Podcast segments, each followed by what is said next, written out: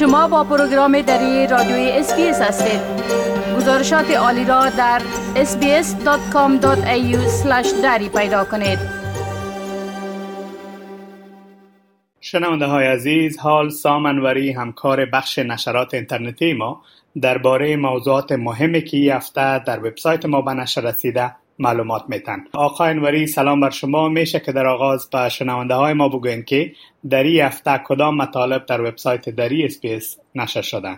با سلام به شما و شنوندگان عزیز. خب چنان که می‌دانید هرچند که تاریخ انتخابات استرالیا هنوز اعلام نشده اما احزاب سیاسی از هفته ها بدین سو مشغول کمپین هستند و فضا به شدت انتخاباتی شده. با وجود شخص نخست وزیر اسکات مارسون هفته چندان خوشایند را پشت سر نگذاشته. از یک سو نتایج دو نظرسنجی عمده منتشر شدند که حکایت از پیشتازی حزب کارگر در انتخابات پیشرو داشتند.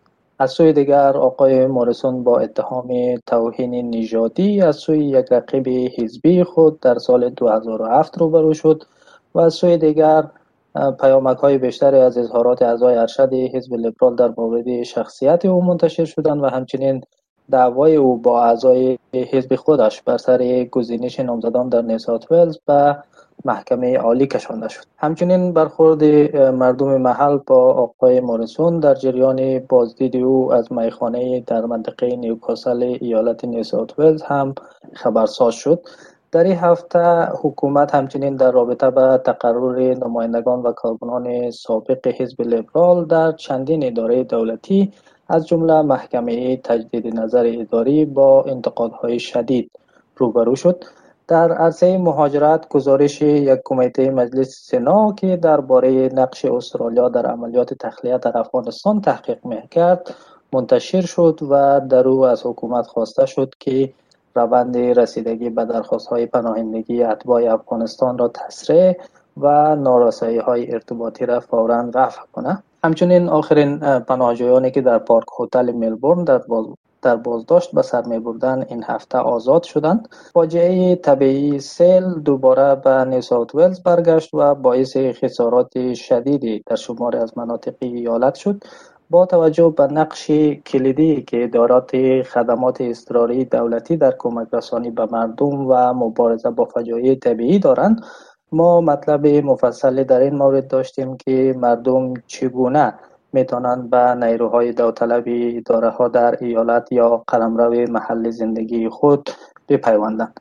علاوه بر اینها اخبار و مطالب در موضوعات مختلف دیگر داشتیم که شنوندگان عزیز ما می‌تونند اونها را در وبسایت ما دنبال کنند آقای انوری شما به موضوع انتقاد اپوزیسیون از انتصاب نمایندگان و کارکنان سابق لیبرال در محکمه تجدید نظر اداری اشاره کردین میشه که در این مورد با شنونده های ما معلومات شریک بسازین؟ بله همانطوری که قبلا اشاره شد انتصاب نمایندگان و کارکنان سابق لیبرال و اعتلاف در سمت های کلیدی و پردرآمد محکمه تجدید نظر اداری.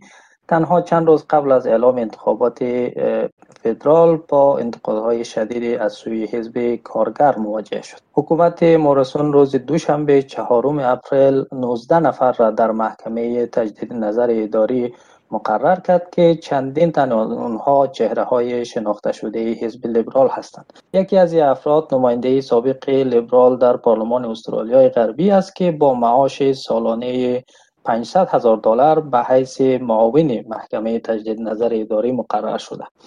حزب کارگر حکومت مورسون را متهم می‌کنه که دادگاه تجدید نظر اداری را سیاسی می‌سازه و پست های پردرآمد را به اعضای حزب لیبرال اهدا می‌کنه محکمه تجدید نظر اداری مسئولیت بازبینی تصمیم های وزارتخانه های دولت در بخش های مهاجرت حمایت از معلولان حقوق تقاعد و مزایای بیکاری را بر عهده دارد.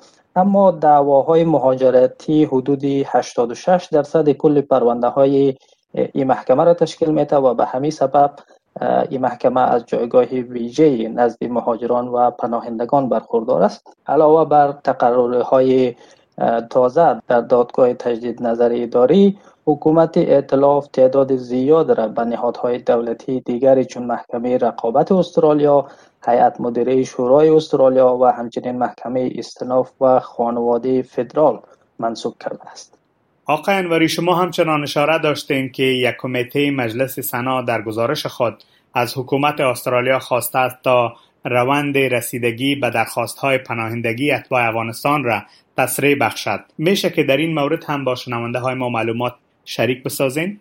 بله کمیته مراجع امور خارجه دفاع و تجارت که بررسی های خود درباره نقش استرالیا در افغانستان را سال گذشته پس از سقوط کابل به دست گروه طالبان آغاز کرده بود روز سه شنبه پنجم اپریل گزارش نهایی خود را منتشر کرد. این گزارش حاوی چندین توصیه مهم به حکومت استرالیا بود که از او جمله می توان به تسریع فوری روند رسیدگی به درخواست ها بهبود ارتباطات با متقاضیان رفع پیچیدگی ها در سیستم رسیدگی و صدور ویزا شرح بهتر و دقیقتر معیارهای اولویت بندی و پذیرش و همچنین صدور دوباره یا تمدید ویزاهای اضطراری. کسانی که نتانستند قبل از انقضای ویزهشان به استرالیا بیایند اشاره کرد. مطابق ارقام این گزارش از میان 6095 نفری که ویزه استرالیایی سه ماهه زیر کلاس 449 را دریافت کرده بودند 1398 تن آنها نتانستند که قبل از منقضی شدن ویزهشان وارد استرالیا شوند. همچنین از زمان سقوط کابل در ماه آگست سال گذشته تا اکنون فقط 6500 نفر افغانستان به شمول آنهایی که با پروازهای نجات آمدن وارد استرالیا شدند. و همچنین حکومت استرالیا از ماه جولای 2021 تا اکنون تنها یک هزار ویزه بشردوستانه یا پناهندگی را به متقاضیان افغان, افغان اعطا کرده استرالیا تا اکنون در مجموع 31500 ویزه را که شامل 26500 ویزه بشردوستانه و 5000 ویزه خانوادگی میشه برای اتباع افغانستان وعده داده است. آقای سامنوری تشکر از این معلوماتتان. روز خوش داشته باشین. تشکر از شما. خدا نگهدار. می خواهید این گناه گزارش ها را بیشتر بشنوید؟